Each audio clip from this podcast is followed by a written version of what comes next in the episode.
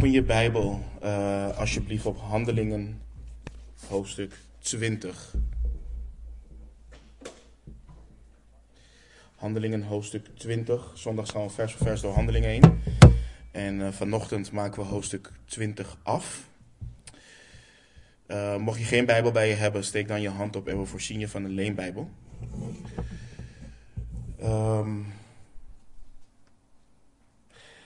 we zouden dit, ja, ik was vorige keer midden, middenin ingestapt. Dus uh, wat we doen voor de context, lezen we gewoon waar we vorige week ook waren begonnen. En um, dan pakken we het wel weer op waar we zijn geëindigd vorige week. Dus we lezen uh, vanaf vers 7. Dan schrijft Lucas onder leiding van de Heilige Geest. En op de eerste dag van de week, toen de discipelen bijeengekomen waren om brood te breken, sprak Paulus hen toe, omdat hij de volgende dag wilde vertrekken en hij liet zijn toespraak voortduren tot middernacht. En er waren veel lampen in de bovenzaal waar zij bijeen waren.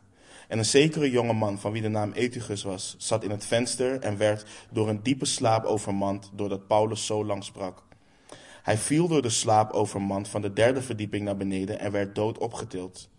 Maar Paulus ging naar beneden, wierp zich op hem, sloeg zijn armen om hem heen en zei: Maak geen misbaar, want zijn ziel is in hem. En nadat hij weer naar boven gegaan was, brood gebroken en iets genuttigd had, en hij lang tot het aanbreken van de dag toe met hen gesproken had, vertrok hij zo. En zij brachten de jongen levend mee en werden bovenmate vertroost. Wij nu waren vooruitgegaan naar het schip en voeren weg naar Assus, waar wij Paulus aan boord zouden nemen, want zo had hij het ons opgedragen, omdat hij zelf te voet zou gaan. En toen hij zich in Assus bij ons gevoegd had, namen wij hem, namen wij hem aan boord en gingen naar Mytilene. En daar vandaan voeren wij uh, verder en kwamen de volgende dag ter hoogte van Chios. En de dag daarna legden wij aan in Samos en bleven in Trigulon. En de daaropvolgende dag kwamen wij aan in Mileten. Want Paulus had zich voorgenomen Efeze voorbij te, gaan, te varen om geen tijd in Azië te hoeven doorbrengen. Want hij haastte zich om als het hij haastte zich om, als het mogelijk voor hem was, op de Pinksterdag in Jeruzalem te zijn. Maar hij stuurde iemand naar Mileten, uit Mileten naar Efeze en liet de ouderlingen van de gemeente halen. En toen zij bij hem gekomen waren, zei hij tegen hen: U weet hoe ik, van de eerste dag af dat ik in Azië aankwam, heel de tijd in uw midden geweest ben. En de Heere gediend heb met alle nederigheid en veel tranen, en onder verzoekingen die mij overkomen zijn door de aanslagen van de Joden. Hoe ik niets van wat nuttig was nagelaten heb u te verkondigen en te onderwijzen in het openbaar en in de huizen. En ik heb zowel tegenover Joden als Grieken getuigd van de bekering tot God en het geloof in onze Heere Jezus Christus. En nu, zie, ik reis, gebonden door de geest, naar Jeruzalem. En ik weet niet wat ik daar zal tegenkomen. Behalve dan dat de Heilige Geest van stad tot stad getuigt dat mij boeien en verdrukkingen te wachten staan. Maar ik maak mij nergens zorgen over. En ook acht ik mijn leven niet kostbaar voor mijzelf, opdat ik mijn loop met blijdschap mag volbrengen, evenals de bediening die ik van de Heere Jezus ontvangen heb, om te getuigen van het evangelie van Gods genade. En nu, zie, ik weet dat u allen, bij wie ik rondgegaan ben en het koninkrijk van God gepredikt heb, mijn gezicht niet meer zult zien. Daarom betuig ik u op de huidige dag dat ik rein ben van het bloed van u allen. Want ik heb niet nagelaten u heel het raadsbesluit van God te verkondigen. Zie dan toe op uzelf en op heel de kudde, te midden waarvan de Heilige Geest u tot opzieners aangesteld heeft, om de gemeente van God te wijden, die hij verkregen heeft door zijn eigen bloed. Want dit weet ik, dat na mijn vertrek vrede wolven bij u zullen binnenkomen, die de kudde niet sparen. En dat uit uw eigen midden mannen zullen opstaan die de waarheid verdraaien om de discipelen weg te trekken achter zich aan.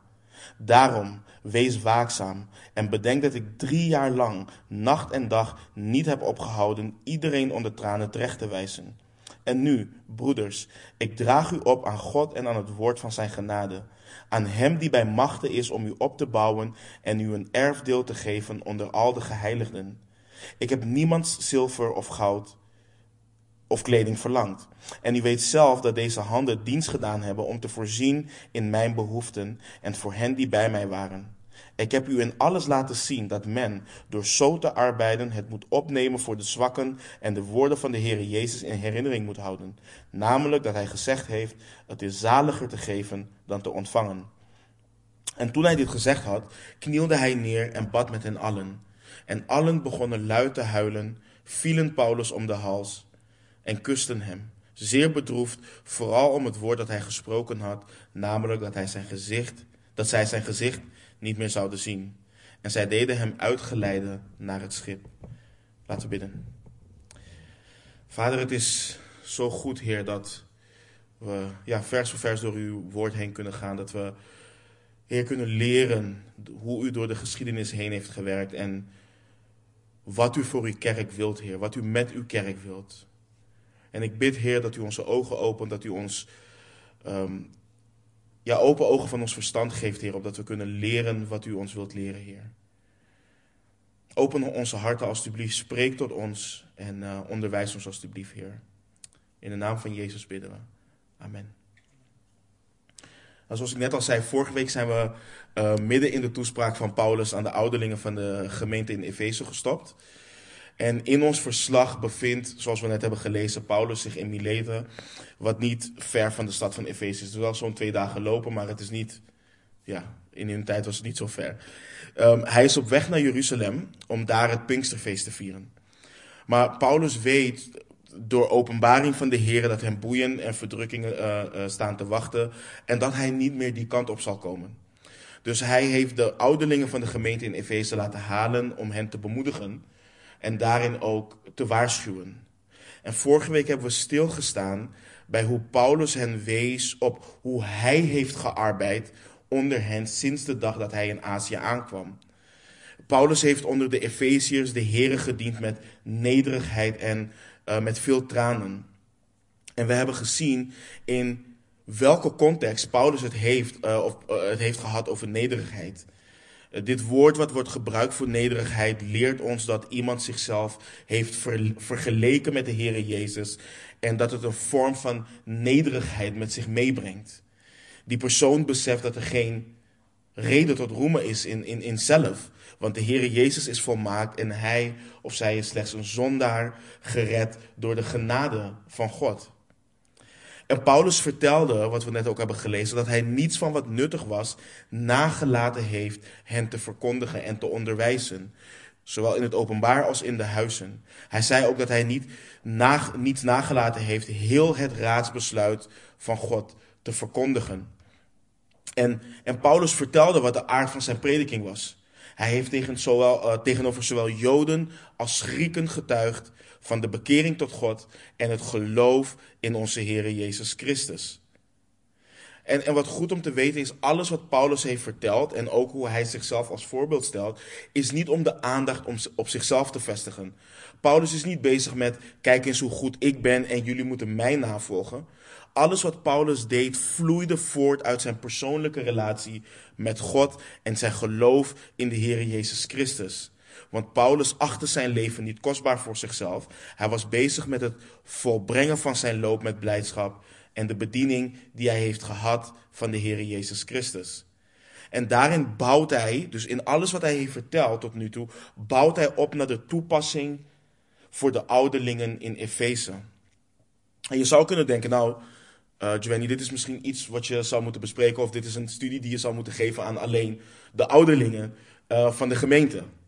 Um, maar juist in de tijd waarin we leven, is dit niet alleen relevant voor ouderlingen, uh, maar juist voor de gemeente in haar geheel. Ieder gemeentelid hoort te weten waartoe ouderlingen zijn opgeroepen door de Heer. Het is geen geheime roeping met een geheime vacatureomschrijving.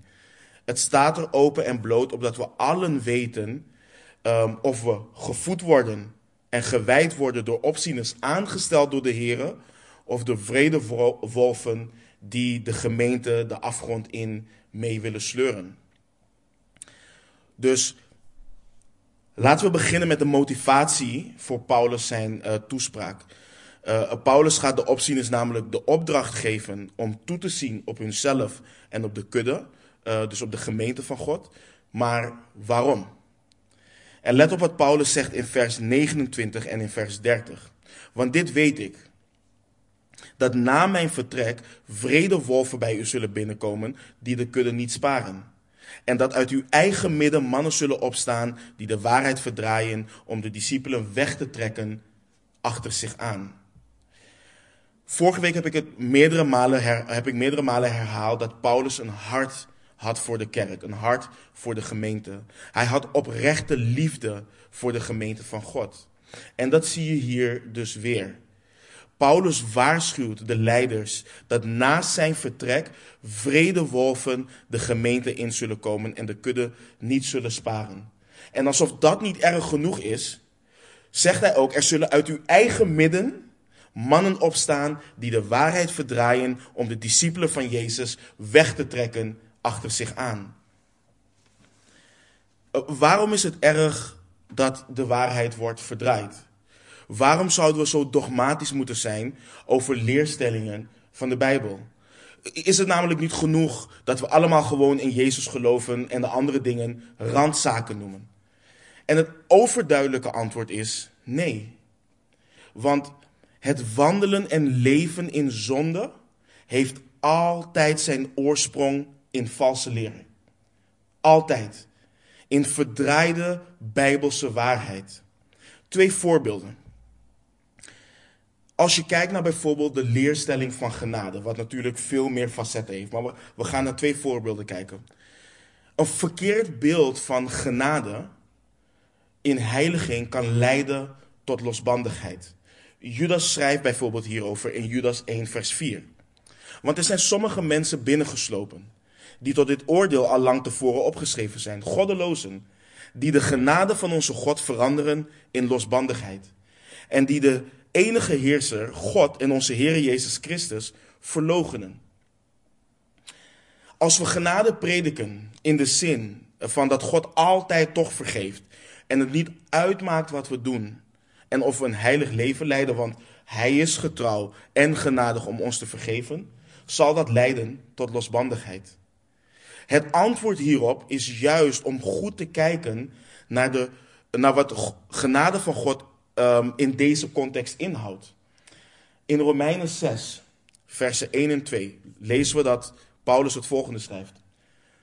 Wat zullen wij dan zeggen? Zullen wij in de zonde blijven opdat de genade toeneemt? Volstrekt niet. Hoe zullen wij, die met betrekking tot de zonde gestorven zijn, nog daarin leven?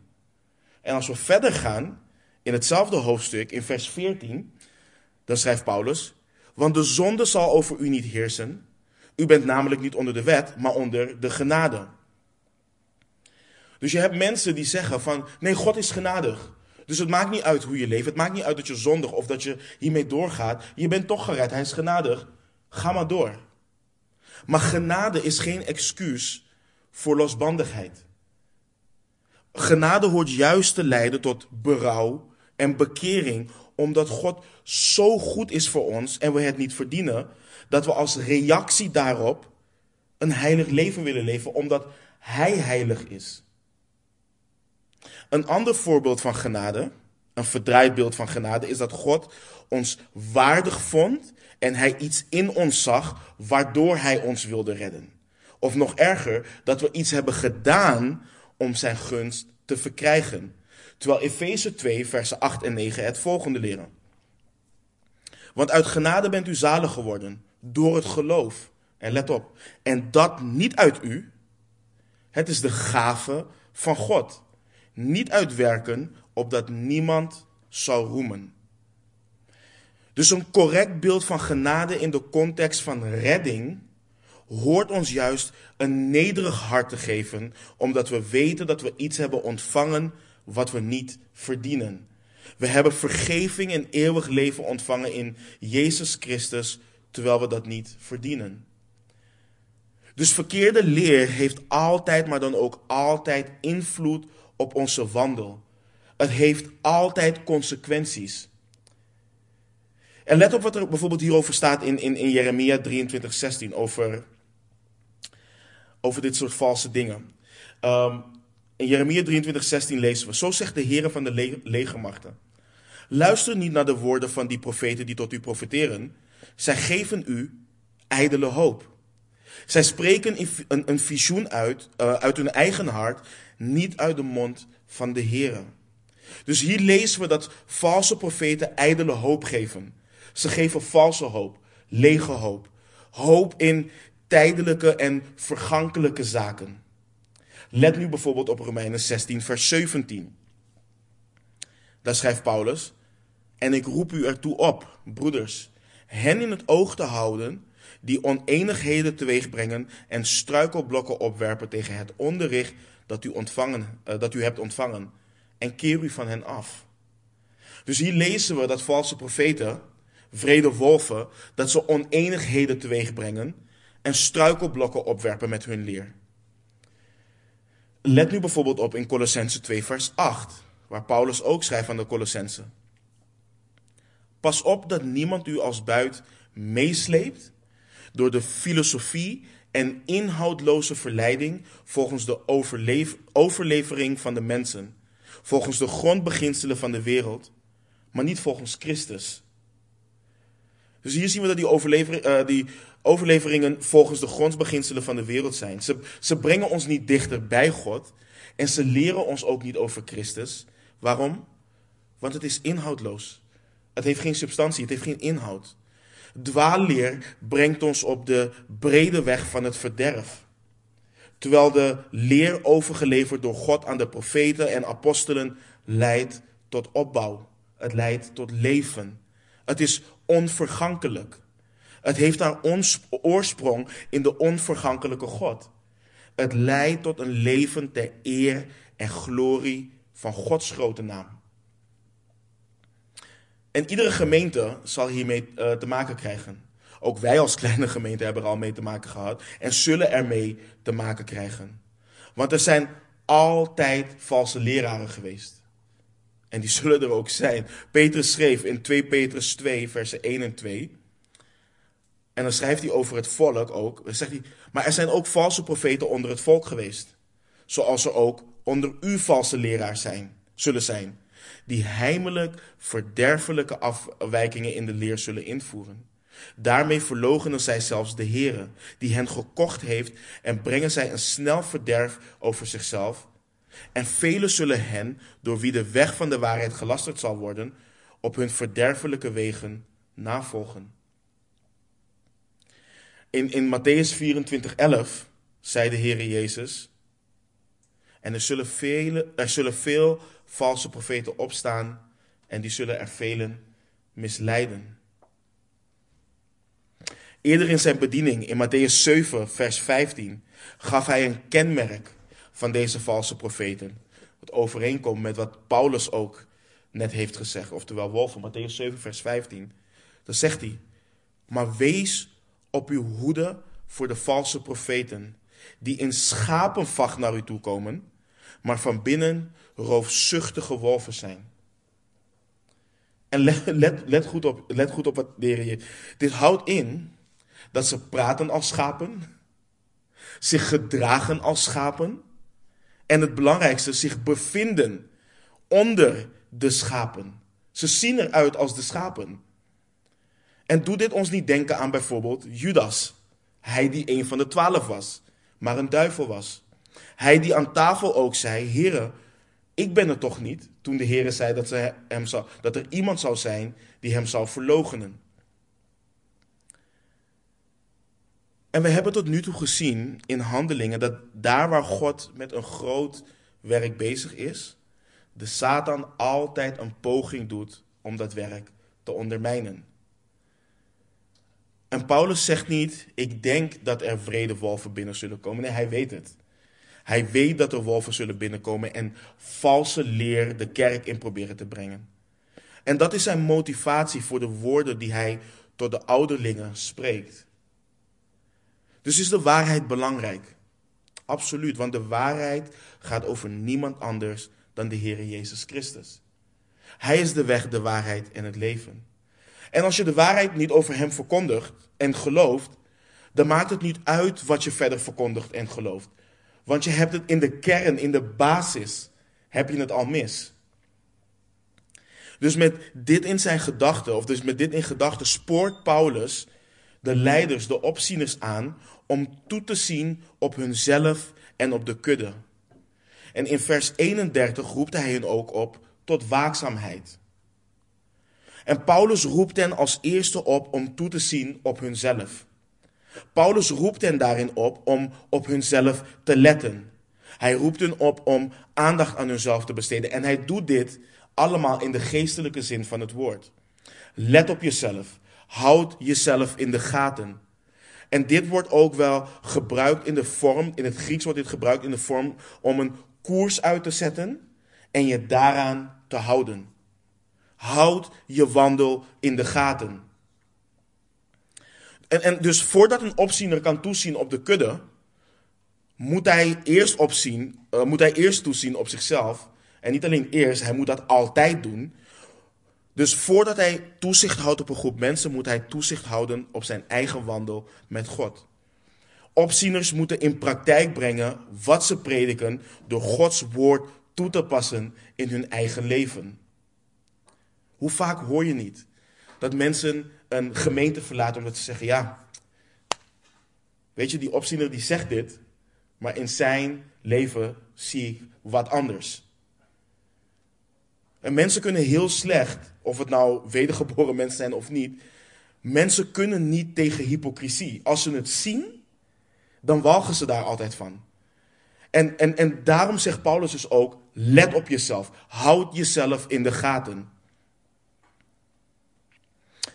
Een opziener is daarin dus altijd een voorbeeld. Let op wat de apostel Paulus schrijft in 1 Petrus 5, vanaf vers 1 tot en met 3. Hij, hij, hij wendt zich nu tot de leiders, tot de opzieners van de kerk, de ouderlingen. Hij zegt, de ouderlingen onder u roep ik, er, roep ik ertoe op, als mede-ouderling en getuige van het lijden van Christus en deelgenoot van de heerlijkheid die geopenbaard zal worden, hoe de kudde van God die bij u is en houd daar toezicht op. Niet gedwongen, maar vrijwillig, niet uit winstbejag, maar bereidwillig. En dan nu vers 3. Ook niet als mensen die heerschappij voeren over het erfdeel van de Heer. En let op, maar als mensen die voorbeelden voor de kudde geworden zijn. En niet alleen Petrus schrijft hierover. Paulus schrijft dit ook aan, 1, aan Timotheus in 1 Timotheus 4, 12. Daar schrijft hij: Laat niemand u minachten vanwege uw jeugd, jeugdige leeftijd. Maar wees een voorbeeld voor de gelovigen in woord, in wandel, in liefde, in geest, in geloof en in reinheid. Aan Titus schreef hij het volgende in Titus 2, versen 7 en 8. Betoon uzelf in alles een voorbeeld van goede werken. Betoon in het onderwijs zuiverheid, waardigheid, oprechtheid.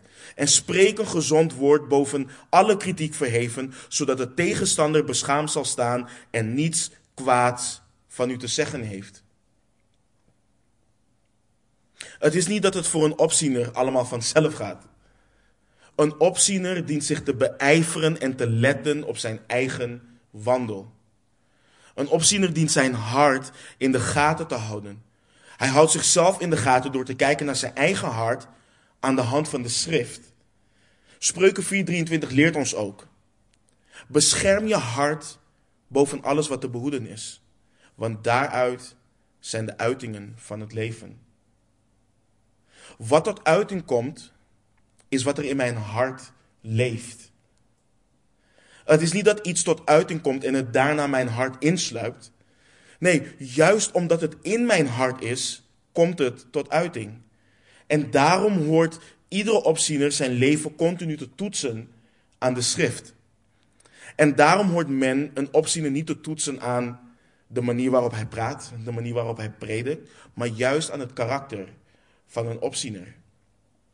Wanneer je naar 1 Timotheus 3 kijkt, en daar gaan we nu naar kijken, um, en je naar de kwalificaties van een opziener kijkt, dan zie je iets heel interessants. In 1 Timotheus 3, versen 2 en 3 lezen we dat Paulus schrijft aan Timotheus: Een opziener nu moet onberispelijk zijn. De man van één vrouw, beheerst, bezonnen, eerbaar, gastvrij, bekwaam om te onderwijzen, niet verslaafd aan wijn, niet vechtlustig, niet uit op schandelijke winst, maar welwillend, niet strijdlustig en zonder geldzucht.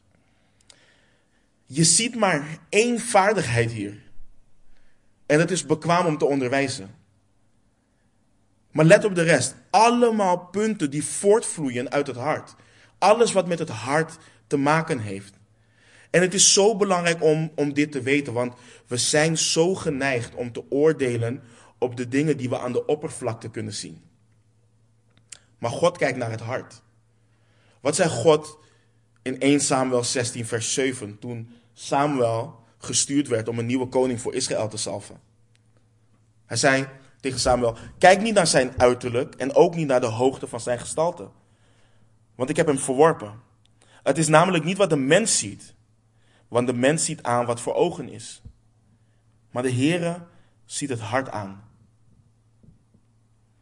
En daarom zegt Paulus ook tegen de opziener: zie toe op jezelf. Want het hart van de mens is arglistig.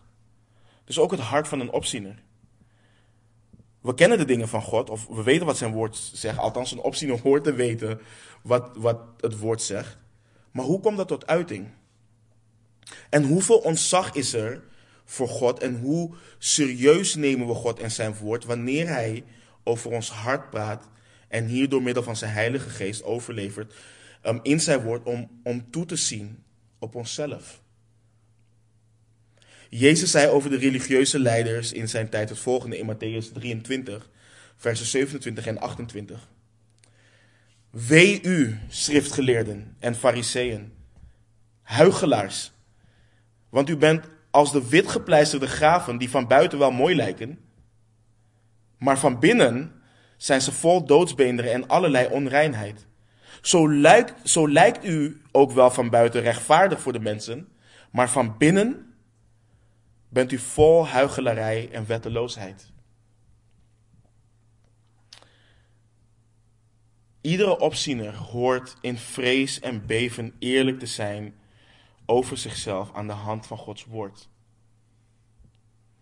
Gods woord wat, door, wat doordringt tot op de scheiding van ziel en geest, van gewrichten en merg, en de overleggingen en gedachten van ons hart oordeelt.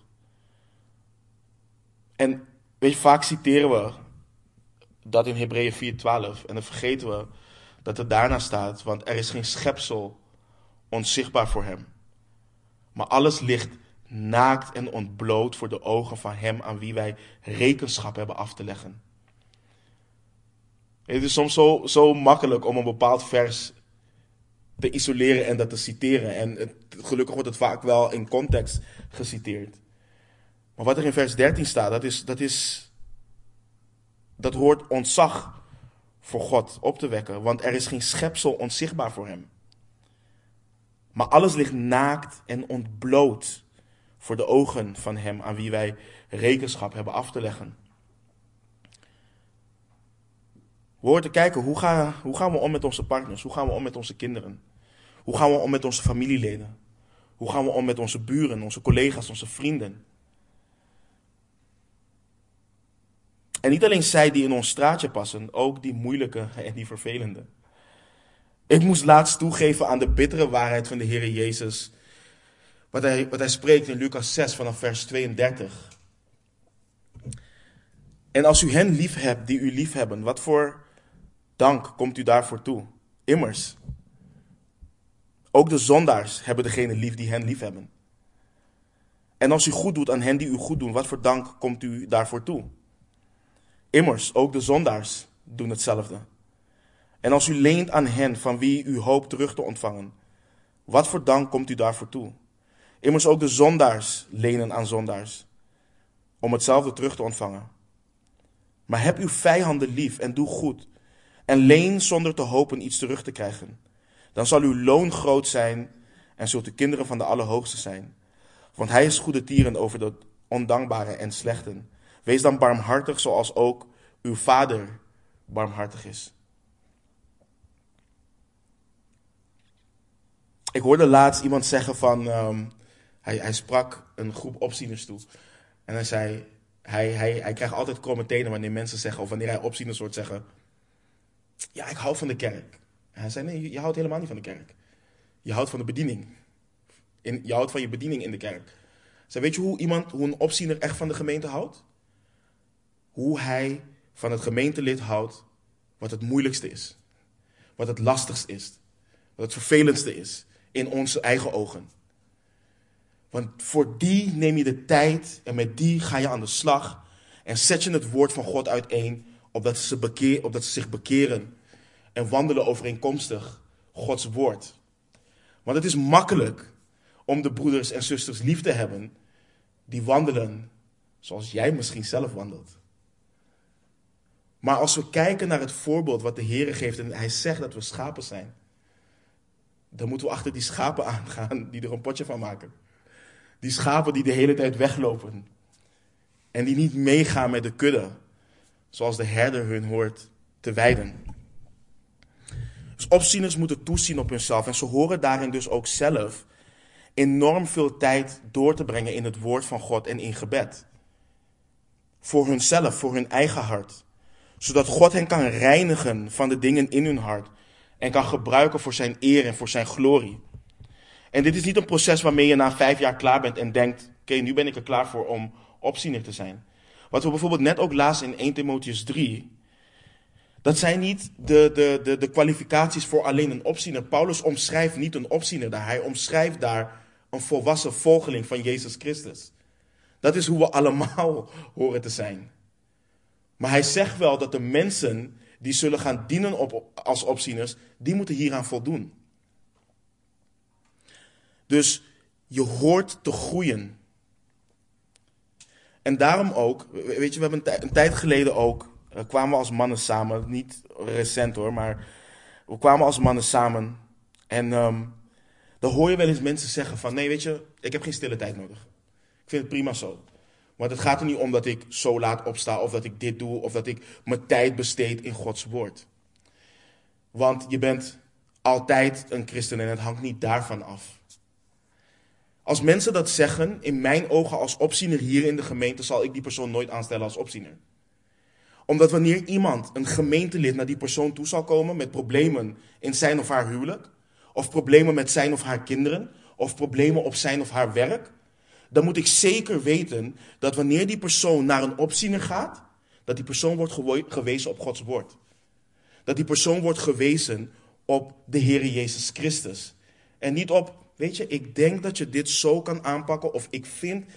Nee, het moet volgens Gods woord. Want Hij heeft zijn woord overgeleverd opdat we volmaakt zullen zijn, opdat we toegerust zullen zijn. Dus een opziener hoort altijd tijd door te brengen in Gods woord en daarin dus toe te zien op zichzelf. Nogmaals, zodat God een reinigend werk daarin kan verrichten.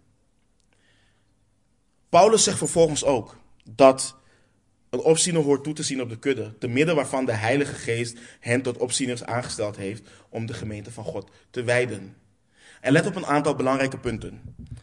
Als eerste, een opziener stelt zichzelf niet aan. We worden niet wakker en zeggen: Vandaag ben ik opziener. Dat, dat gebeurt niet. Een opziener wordt ook niet aangesteld door andere opzieners, omdat iemand dacht: hé, hey, hij zou het goed doen. Een opziener wordt aangesteld door de Heilige Geest. Het is een soevereine keuze van God. Het is niet omdat God, en het is ook niet omdat God denkt: hij heeft bepaalde kwalificaties of vaardigheden die ik zou kunnen gebruiken. Nee, God roept en hij rust toe. En dit is het probleem met de beleidende kerk vandaag de dag. Men wordt aangesteld door mensen. Er is geen ontzag en besef voor het feit dat het de gemeente van God is. Men regeert in de gemeente alsof het een bedrijf is. Vaders geven het ambt van een opziener door aan hun zonen en schoonzonen alsof je een bedrijf doorgeeft aan je zoon. In allerlei kerken worden er um, um, um, voorgangers aangesteld en aanbiddingsleiders aangesteld die niet eens worstelen, maar geregeerd en overmeesterd worden in hun hart door lust, hoogmoed en hebzucht. En je ziet ze bij de bosjes neervallen tegenwoordig. Je ziet ze neervallen. En we geloven niet meer in het feit dat God mensen echt roept. Dat Hij mensen aanstelt. En we geloven daar niet meer, meer in, omdat men de Bijbel niet meer ziet als het gezaghebbende woord van God. Maar ze volgen hun eigen vlees, hun eigen gevoel na. Mensen worden aangesteld omdat er nood is. Iemand zei laatst ook tegen me van ja, soms als er een nood is, dan moet je iemand aanstellen. Maar dat gaat regelrecht in tegen leiding van de soevereine God over zijn kerk. En je ziet het hier ook. We hebben nog steeds niemand ehm, die ons dient in de muziekbediening. En dat komt omdat je niet zomaar die bediening op je, op je neemt omdat je gitaar of piano kunt spelen. Of omdat je kunt zingen. Ik zou als opziener ongehoorzaam zijn door iemand direct in die bediening te plaatsen terwijl je leest, leg niet te snel iemand de handen op. De Bijbel leert ons dat opzieners en diakenen eerst beproefd moeten worden. Niet alleen binnen de gemeente en niet alleen door opzieners, maar door de hele gemeente. Door ook, om, door ook te zien hoe, hoe ze thuis omgaan met hun gezin.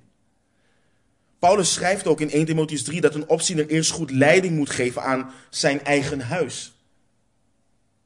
Want als hij dat niet kan, hoe kan hij dan het huishouden van God leiden? En hoe kunnen we deze dingen toetsen zonder eerst een geruime tijd iemand te hebben beproefd? Wat gelooft zo iemand? Hoe komt dat tot uiting? Hoe is het bij hun thuis? Leven ze thuis ook een goddelijk leven? God heeft de gemeente verkregen door zijn eigen bloed. God heeft de heiligen die de gemeente opmaken gekocht met het bloed van Jezus Christus aan het kruis. En een opziener hoort dus toe te zien op de gemeente, op de kudde door die te wijden. Laten we weer gaan naar onze tekst, wat we ook al eerder hebben gelezen in 1 Petrus 5, vanaf vers 1 tot en met 3. En kijk wat en, en dan leggen we de nadruk op een, een, een ander gedeelte. De ouderlingen onder u roep ik erop toe, uh, roep ik erop toe als mede-ouderling en getuige van het lijden van Christus en deelgenoot van de heerlijkheid die geopenbaard zal worden. Kijk wat hij zegt. Vers 2. Hoed de kudden, de kudde van God die bij u is en houd daar toezicht op. Niet gedwongen, maar vrijwillig. Niet uit winstbejag, maar bereidwillig. Ook niet als mensen die heerschappij voeren over het erfdeel van de Here maar als mensen die voorbeelden voor de kudde geworden zijn. Dit is de hoofdtaak van een opziener. Een opziener dient de kudde te hoeden. Hij dient de kudde te wijden, heel de kudde. Een opziener, een opziener die dit niet doet, is ongehoorzaam en nalatig. En let op wat de Heere, wat de Heere God zei over nalatige herders in Ezekiel 34. Het is goed om zelf later het hele hoofdstuk te lezen, maar let op de eerste zes versen. Het woord van de Heere kwam tot mij. Mensenkind, profeteer tegen de herders van Israël. Profeteer en zeg tegen hen, tegen die herders. Zo zegt de Heere, Heere. Wee de herders van Israël die zichzelf wijden. Moeten de herders niet de schapen wijden? U eet het beste op en u kleedt u met de wol, u slacht het vetgemeste, maar de schapen wijdt u niet. Het zwakke versterkt u niet. Het zieke geneest u niet. Het gebrokene verbindt u niet. Het afgedwaalde brengt u niet terug en het verlorene zoekt u niet. Maar u heerst met geweld en met harde hand over hen. Ze zijn overal verspreid zonder herder. En ze zijn allen dieren van het veld tot voedsel geworden. Ze zijn verspreid. Mijn schapen, let op wat hij zegt. Mijn schapen dwalen rond op alle bergen en op elke hoge heuvel. Over heel het aardoppervlak zijn mijn schapen verspreid. Er is niemand die naar ze vraagt en niemand die ze zoekt. God veroordeelt de herders van Israël die zichzelf voeden, maar de kudde niet voeden.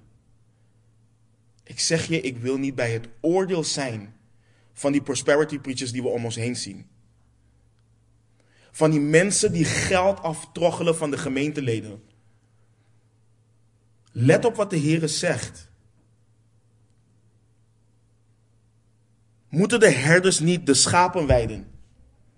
U eet het beste op en u kleedt u met de wol. U slacht het vetgemeste, maar de schapen wijdt u niet.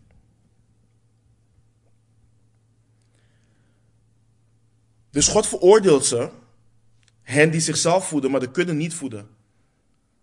Ze gebruiken de, de kudde eerder voor hun eigen doeleinden, hun eigen gewin. En het, het, het kon ze niet schelen of de kudde verstrooid was en dat het prooi was geworden voor wolven. Een opziener aangesteld door God zal, ten onrechte, zal, zal het oprechte verlangen hebben om tijd en aandacht te steken in de kudde. En dat betekent ook dus dat je naar die persoon, naar, naar de mensen toe gaat. En dat je met ze praat. Maar dat ook wanneer je iets ziet, dat je zegt van hé, hey, wacht eens even, we hadden het hierover gehad. Of let op wat de Bijbel zegt. Je zegt X, Y, Z, de Bijbel zegt X, Y, Z, maar het, het matcht niet. Hoe kan dat? Er is een oprecht verlangen bij opzieners aangesteld door, door Christus, door de Heilige Geest, om een ieder te zien groeien in Christus. Om men bijbels te zien groeien in Christus. En Paulus laat zien in vers 31 hoe hij dat heeft gedaan. Drie jaar lang heeft hij onder tranen iedereen terechtgewezen. Dit woord terechtgewezen in het Grieks betekent dat hij drie jaar lang mensen heeft lopen aansporen, vermanen, wat wil zeggen in de context door middel van het onderwijzen van doctrine. Um, van doctrine en mensen proberen over te, uh, te overtuigen zich te wenden tot God. Om te keren tot God. En datzelfde voorbeeld, daartoe roept hij hen op, dat moeten zij navolgen. Want we lezen in vers 32. En nu, broeders, ik draag u op aan God en aan het woord van zijn genade. Aan hem die bij machten is om u op te bouwen en u een erfdeel te geven onder al de geheiligden. Wat Paulus zegt, dus hij draagt hen over. Hij draagt hen op, hij geeft ze over, hij legt hen in de handen van God en aan het woord van Gods genade. In het Grieks betekent het geplaatst worden dichtbij of naast iets. Dat is wat Paulus doet. Dus nog een keer, aan wie draagt Paulus hen op? Aan God en aan zijn woord van genade. Aan hem die bij machten is om hen op te bouwen en hen een erfdeel te geven onder al de geheiligden. Dus hoe kunnen opzieners dus toezien op hunzelf en op de kudde? Hoe kunnen ze waakzaam zijn? Hoe kunnen ze de kudde beschermen tegen vrede wolven? Door dicht bij God en zijn woord van Gods genade te blijven. Er is geen enkele andere manier om de kudde van God te hoeden, te voeden en te wijden. Er is geen enkele andere manier. Je kunt niet toezien op jezelf en de kudde met eigen of wereldse strategieën of ideeën. Spreuken 3, vers 5 leert ons ook heel duidelijk. Vertrouw op de Heer met heel je hart en steun op je eigen inzicht niet. Tegenwoordig heb je allemaal, heb je allerlei discipelschap trajecten en cursussen en ouderling cursussen. Dingen bestaan niet. Het bestaat niet. Gewoon de Bijbel in. Ik, heb jullie verteld, we zijn nu bezig met een aantal broeders door het land die, waarvan, ze het idee, waarvan ze ook de roeping ervaren dat God hen roept. Om in hun lokale gemeente of in gemeenschap een, een, een, een bijbelgetrouwe gemeente te stichten. Ik had maar één advies voor hen. Blijf bij het woord. Bij niks anders. Blijf bij God en bij zijn woord. Dat is het enige wat je kan doen. En het is dus goed voor de gemeente om te weten dat een opziener de gemeente trouw dient door het woord van God te prediken. En ik ben God dankbaar, dan niet, in, in deze context spreek ik dan niet voor mezelf, maar door mijn andere broeders die jullie ook dienen in het woord, dat God hen een verlangen heeft gegeven om jullie te zien groeien door het woord van God te onderwijzen.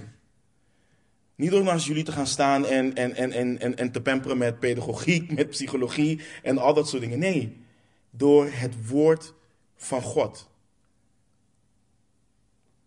Door de tekst te verklaren, door de betekenis en toepassing van de tekst mee te geven. Door aan te sporen aan de hand van Gods woord om in gehoorzaamheid aan God te leven en daarin alle dwaalleer te verwerpen. Alles, wat, alles te verwerpen wat in strijd is met de gezonde leer van de Bijbel. Wanneer Paulus zijn brief aan Titus schrijft, en we gaan hier nu dus naar kijken, schrijft hij in het eerste hoofdstuk waarom hij Titus op Kreta heeft achtergelaten. En vanaf vers 5 in Titus 1 lezen we het volgende. Om die reden heb ik u op Kreta achtergelaten, opdat u verder in orde zal brengen wat nog ontbrak En van stad tot stad ouderlingen zal aanstellen, zoals ik u opgedragen heb. Zo, dan komt hij met kwalificaties. Zo iemand moet onberispelijk zijn, de man van één vrouw, gelovige kinderen hebben, die niet te beschuldigen zijn van losbandigheid of opstandigheid. Want een opziener moet onberispelijk zijn als een beheerder van het huis van God. Niet eigenzinnig, niet opvliegend, niet verslaafd aan wijn, niet vechtlustig, niet uit op oneerlijke winst, maar gastvrij, goedwillend, bezonnen, rechtvaardig, heilig, beheerst. Iemand die zich houdt aan het betrouwbare woord dat overeenkomstig de leer is, zodat hij bij machten is anderen te bemoedigen door het gezonde onderwijs en ook de tegensprekers te weerleggen. Dus let op wat er naast al die karaktereigenschappen eigenschappen, uh, eigenschappen staat. Die persoon moet zich houden aan het betrouwbare woord dat overeenkomstig de leer is, zodat hij bij machten is anderen te bemoedigen door het gezonde onderwijs en ook de tegensprekers te weerleggen. Je hebt sommigen die zeggen, ja, je hoeft niet zo hard en je hoeft niet, helemaal, je hoeft niet altijd tegen valse leraren in te gaan. Of, of dat ze zeggen dan dat je valse leraars of hen die tegenspreken stof tot nadenken moet geven. Vragen stellen zodat ze gaan nadenken. Nee, je moet ze het woord van God geven, opdat ze zich bekeren en niet op hun verderfelijke weg van verdoemenis blijven en anderen daarin meenemen. Dat is wat je moet doen. Je gaat niet onderhandelen met valse leraren. Je verkondigt ze het woord van God. En als ze zich niet bekeren, de Heer Jezus heeft het gezegd in de kerkelijke tucht. En uiteindelijk schrijft Paulus het ook in de pastorale brieven. Als ze zich niet willen bekeren, dan wijs je ze de deur. Ten, ter bescherming van de kudde die er is. Dat is wat je doet. En het is goed ook voor ons. Dit is niet wat, wat je mag, maar juist moet verwachten van de opzieners in de gemeente. Mannen die je bemoedigen aan de hand van het betrouwbare woord van God en die tegensprekers weerleggen aan, de, aan het woord, aan de hand van het woord van God. Want we leven in een tijd waarin tolerantie het hoogste goed is. Het is niet liefdevol om mensen te wijzen op valse leraren of hun eigen leer of wandel wat in strijd is met het woord van God. Maar let op hoe Paulus de mensen noemt die de gemeente binnenkomen. Vrede wolven. Ik weet, niet dus of, ik weet niet of je ooit op het internet naar een plaatje hebt gezocht hoe een wolf tekeer is gegaan te midden van een kudde schapen. Maar het is gewoon een bloedbad. En dit gaat om de zielen van mensen. En als dit vrede wolven zijn die de kudde van God niet sparen, is het dan liefdevol om te zwijgen over hen en het feit dat de leer van die wolven een bedreiging is voor de ziel van een mens? Nee, dat is niet liefdevol. En we hoeven natuurlijk niet te gaan schreeuwen en al dat soort dingen, dat hoeft niet. Maar we staan wel op het woord van God en wijzen mensen daarin wel terecht. En we moeten onszelf de vraag stellen. Want Paulus draagt hen op aan God en aan zijn woord van genade. Paulus geloofde hier blijkbaar dat het onfeilbare woord van God toereikend is in het leven van Gods kinderen. En geloven wij dat ook? Geloven we dat Gods woord toereikend is? Toereikend in het reilen en zeilen binnen een gemeente. Toereikend in het opbouwen en bemoedigen van ons als volgelingen van Jezus. Geloven we dat het toereikend is om mensen toe te rusten en hen volmaakt te maken in Christus? En, en, nogmaals, let op wat Paulus doet. Hij draagt in op aan zijn woord, maar hij draagt in dus ook op aan God. Het gaat er niet op, uh, om dat ze alleen dicht bij het woord zijn, maar dicht bij hem wie de auteur is van het woord. En dat is waarom ik, ik, ik hou persoonlijk van het woord, um, ik hou van het woord theoloog. En vind dat iedere volgeling van Christus een theoloog hoort te zijn en een theoloog is. Want het betekent simpelweg studie van God, het bestuderen van God. En, en, en het draait om het bestuderen van God, om Hem beter te leren kennen en te groeien in onze persoonlijke relatie met Hem. Om te groeien in het zien dat Hij God is en dat we Hem in alles horen te vertrouwen. De doctrine, de leerstellingen die we behandelen in de Bijbel, die wijzen naar iemand. Ze wijzen naar onze schepper, naar onze maker. En dat is iets wat we niet uit het oog mogen verliezen. Want tientallen, eh, tientallen jaren later lezen we in Openbaring 2 over de kerk in Efeze, lezen we het volgende. Dan zegt de Heer Jezus, ik ken uw werken, uw inspanning en uw volharding. En weet dat u slechte mensen niet kunt verdragen. En dat u hen op de proef hebt gesteld die van zichzelf zeggen dat zij apostelen zijn, maar het niet zijn. En dat u hebt ontdekt dat zij leugenaars zijn. En u hebt moeilijkheden verdragen en volharding getoond. Om mijn naam hebt u zich ingespannen en bent u niet moe, geworden. Prachtige getuigenis. Maar er staat er, maar. Maar ik heb tegen u dat u uw eerste liefde hebt verlaten. Bedenk dan van welke hoogte u bent gevallen en bekeer u en doe de eerste werken. Maar zo niet, dan kom ik spoedig bij u en zal uw kandelaar van zijn plaats wegnemen, als u zich niet bekeert.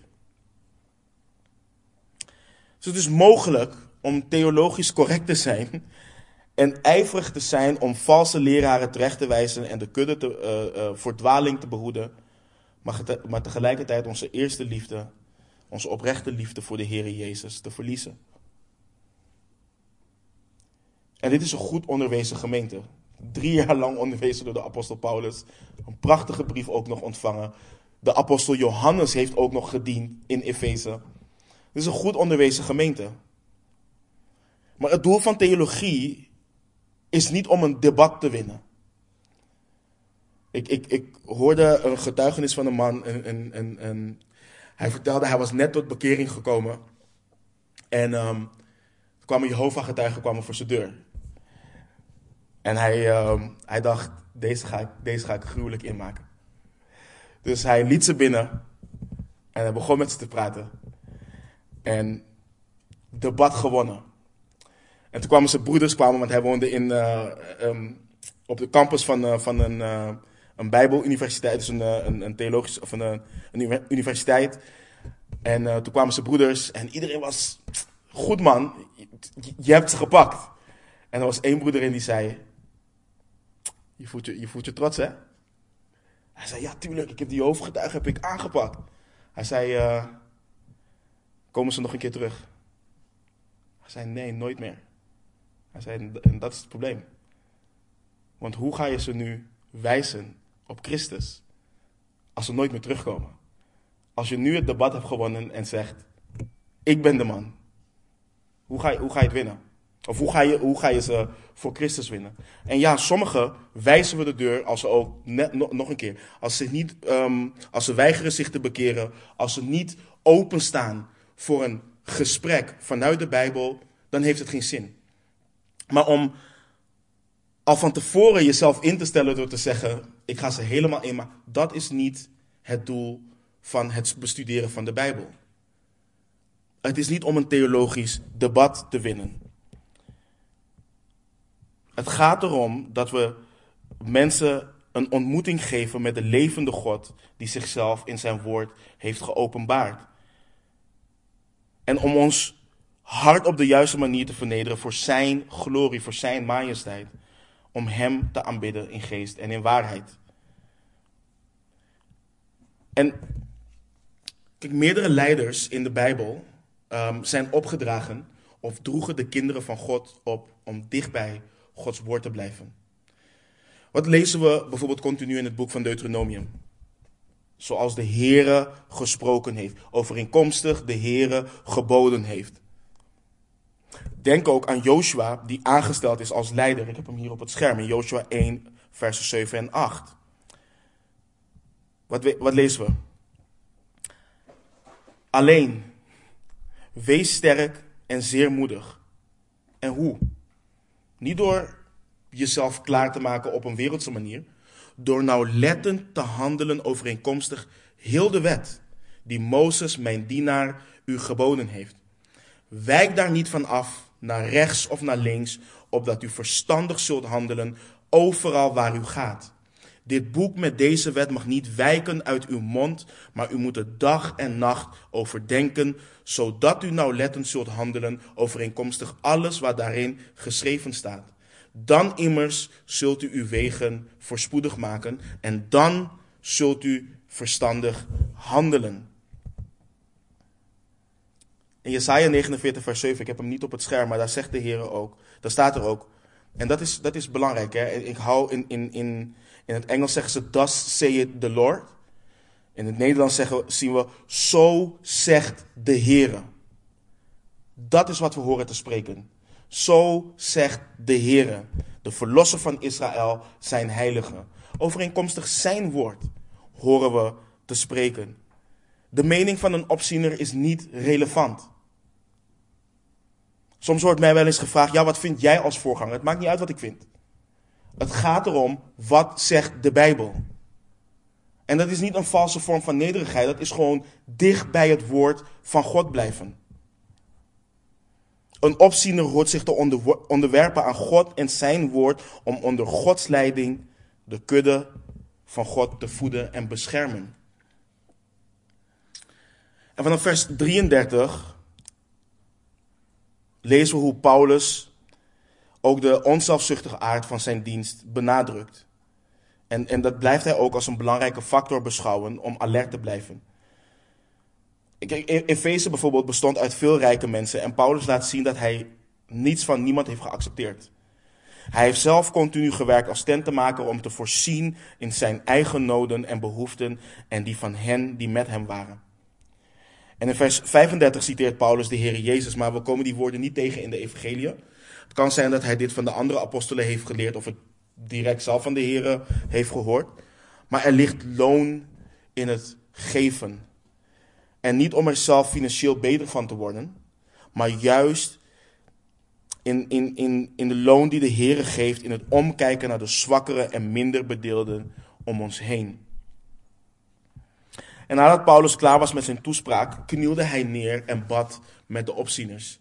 En het wordt een emotionele scène omdat de opzieners verdrietig zijn dat ze Paulus nooit meer zullen zien. Velen vandaag de dag, en ik zei het net al, um, vandaag de dag hebben hun eigen strategieën en ideeën uh, van wat de kerk hoort te doen en van wat de kerk hoort te zijn. En dit geldt niet alleen voor opzieners, maar voor de gemeente in haar geheel.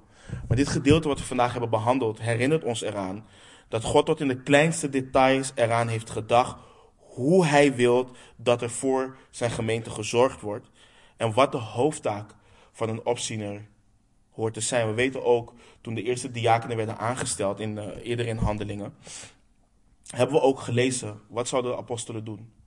Zij zouden blijven toezien op het woord en in gebed. En dat is niet omdat ze belangrijker waren om, of belangrijk genoeg waren, of te belangrijk waren om eten rond te brengen en dat soort dingen. Nee, want ze deden dat eerst al. Maar die bediening groeide zoveel dat er andere mensen nodig waren om dat te doen, zodat zij zich konden blijven toezien op het bidden voor Gods werk, op het bidden voor de gemeente en op het, onderwij en het onderwijzen van Gods gemeente. En ik ben God dankbaar voor de getuigenissen die ik hoor van wat Hij hier doet, in, in de gemeente hier, en al zijn samenkomst. En mijn gebed is oprecht, dat we dicht bij Hem en Zijn woord blijven. En daarom vind ik Hebreeën 2, vers 1, vind ik zo'n prachtig vers. Daar waar de auteur in het eerste hoofdstuk een fundament legt voor wie Christus is, schrijft hij vervolgens in Hebreeën 2, vers 1, daarom, dat koppelwoord, daarom moeten wij ons te meer houden aan wat door ons gehoord is. En waarom? Opdat wij niet op enig moment afdrijven. En in het Grieks schetst, uh, schetst dit het beeld van een boot wat, wat gewoon wegdrijft, wat geen stuurman heeft of wat dan ook. En wegdrijft rustig aan en op een gegeven moment op een rots, um, op een, op een en een gegeven moment zinkt.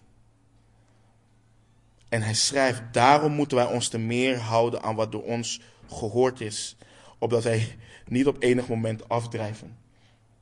Ik weet nog toen wij, uh, of toen ik net naar de gemeente ging in, uh, in, in Nieuw-Vennep, kwam ik mensen tegen die zeiden van, eh, ja, naar, welke gemeente ga je? Ja, naar gemeente Nieuw-Vennep. Ja, hoe, hoe, zien jullie diensten eruit? Nou ja, we gaan vers vers door de Bijbel. Oh, is dat het? Ik zeg, ja, wat, wat wil je nog meer dan? Ja, nee, maar is, is dat letterlijk... Ja, we openen de Bijbel. Er wordt voorgelezen uit de Bijbel. Ze verklaren de Bijbel. We zingen tot God uit dank voor hem. We hebben fellowship. En dan gaan we met z'n allen naar huis. Oh, oh ja, is dat niet saai dan? Nee. Dat, dat, dat zegt wat over je beeld van Gods woord. En over wat je denkt dat de gemeente hoort te doen. Maar het is belangrijk dat we dus toezien op onszelf, op elkaar, door naar Hem te kijken die de leidsman en voleinder is van ons geloof. Amen. Laten we bidden. Hemelse Vader, u bent zo goed, Heer. Heer, dank u wel voor uw woord. Dank u wel, Heer, dat u uw woord overgeleverd heeft. Heer, opdat we u kunnen kennen. Opdat we kunnen wandelen overeenkomstig uw geboden, Heer. Opdat we in gehoorzaamheid aan u kunnen wandelen, Heer. Heer, u zei ook tegen de discipelen: Als u, als u mij lief heeft, houd je aan mijn geboden. En Heer, ik, um, ik dank u voor uw geboden. Ik dank u dat u het gebruikt, Heer, door het werk van uw geest om ons te veranderen, om ons meer en meer op onze Heer Jezus Christus te doen lijken. Heer, ik dank u ook, Heer, dat wanneer uw geest dat werk in ons doet, dat de wereld onze goede werken kan zien. Dat ze kunnen zien dat we een geheiligd volk zijn. En zoals onze Heer Jezus ook tijdens de zaligspreking zei, dat ze onze goede werken zullen zien. En u, Vader, u die in de hemelen bent, Heer, dat, u, dat ze u zullen verheerlijken. Heer, ik draag een ieder van u op in deze gemeente, Heer. Opdat we een groot verlangen voor uw woord mogen hebben. Dat we een groot verlangen naar u mogen hebben. Heer, maar dat we ook waakzaam zullen zijn. Heer, en gegrond zullen zijn in de waarheid, opdat we de leugens die de Satan verspreidt, ook zullen kunnen herkennen en ook zullen kunnen weerleggen, Heer. In het bijzonder draag ik de, de mannen op, Heer, die u in deze gemeente, daarmee ook mezelf aan u op. Heer, opdat we niet zullen afwijken van uw woord. Dat we op onszelf zullen toezien. En in vrees en beven dit ambt zullen vervullen, Heer. En de mannen die u ook aan het klaarstomen bent. Om ook te dienen, Heer. Zij het als diaken, zij het als opziener. Dat u ons allen toerust.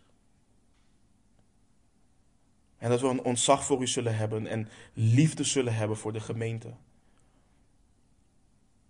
Liefde zullen hebben voor onze broeders en zusters. En door die liefde ook uw waarheid altijd uiteen zullen zetten om te bemoedigen, om op te bouwen, om toe te rusten, Heer. Heer, heilig uw gemeente, reinig uw gemeente alstublieft. Ik bid ook voor de andere gemeenten hier in Lelystad. Heer, dat er wellicht een opziener door uw genade, door uw leiding, deze studie terug of deze studies zal hebben bekeken of terug zal kijken en door u aangesproken zal worden, Heer.